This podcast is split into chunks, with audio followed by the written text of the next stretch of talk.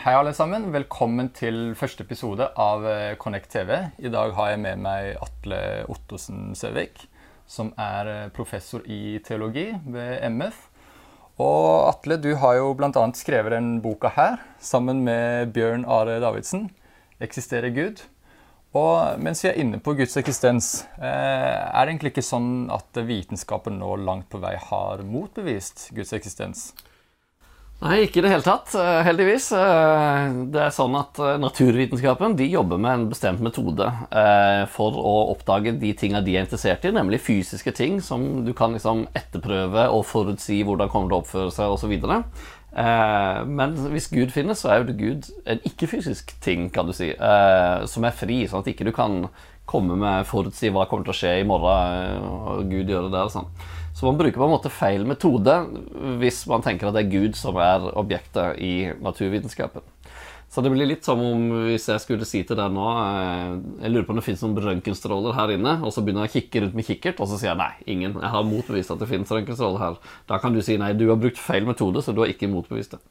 Og samme er det egentlig med naturvitenskapen. De kan ikke med sine metoder bevise eller motbevise Guds eksistens. Men så finnes det jo andre vitenskaper, nemlig teologi og filosofi, og de har andre metoder hvor man da seriøst diskuterer eh, Guds eksistens. Mm. Ja, Så finnes det da egentlig noen rasjonelle, gode argumenter for at Gud finnes? Ja, det finnes veldig mange, og de er mye bedre enn folk tror. Eh, for ofte så hører man bare sånn halvdårlige varianter og versjoner. Mm. Men du har uh, ulike kosmologiske argumenter, som da gjerne tar utgangspunkt i Altså hvor kom universet fra? Og sånn. Og så tenker man enten må det ha kommet av ingenting, eller så må noe alltid ha eksistert. Det må være noe uskapt. Mens hvis man tenker er det mulig at noe kan komme fra absolutt ingenting Absolutt ingenting betyr jo null potensial, null muligheter osv. Så, videre, så skjønner man at nei, det kan ikke komme noe fra absolutt ingenting. Det må være noe som alltid har eksistert.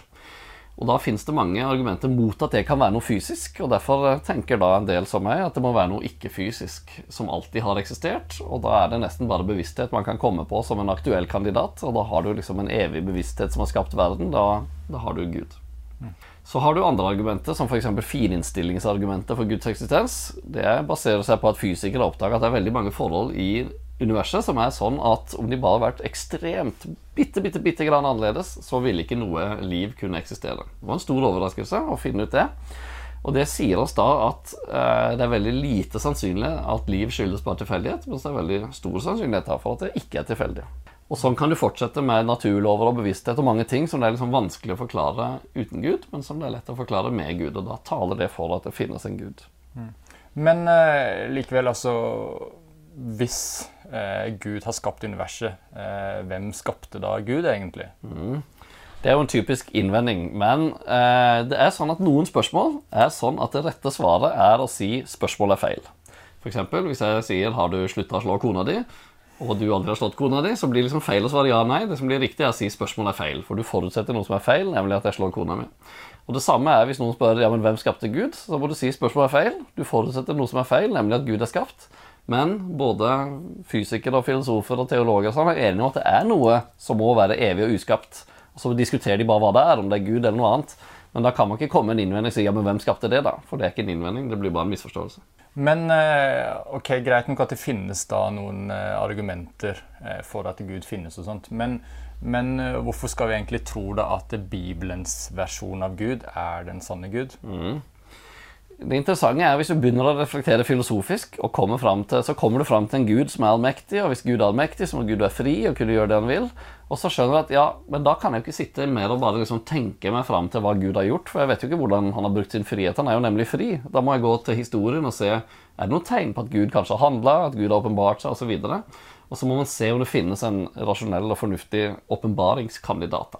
Og da finnes det jo mange forskjellige mennesker som har sagt kommet med mange forskjellige religioner og sagt jeg kommer fra Gud, jeg kommer fra Gud. Og det kan jo ikke være riktig alt sammen. Mange av de må ha dikta det opp. Men det spennende er jo da er det noen av de som har en slags guddommelig signatur eller stempel som liksom bekrefter at dette er faktisk fra Gud.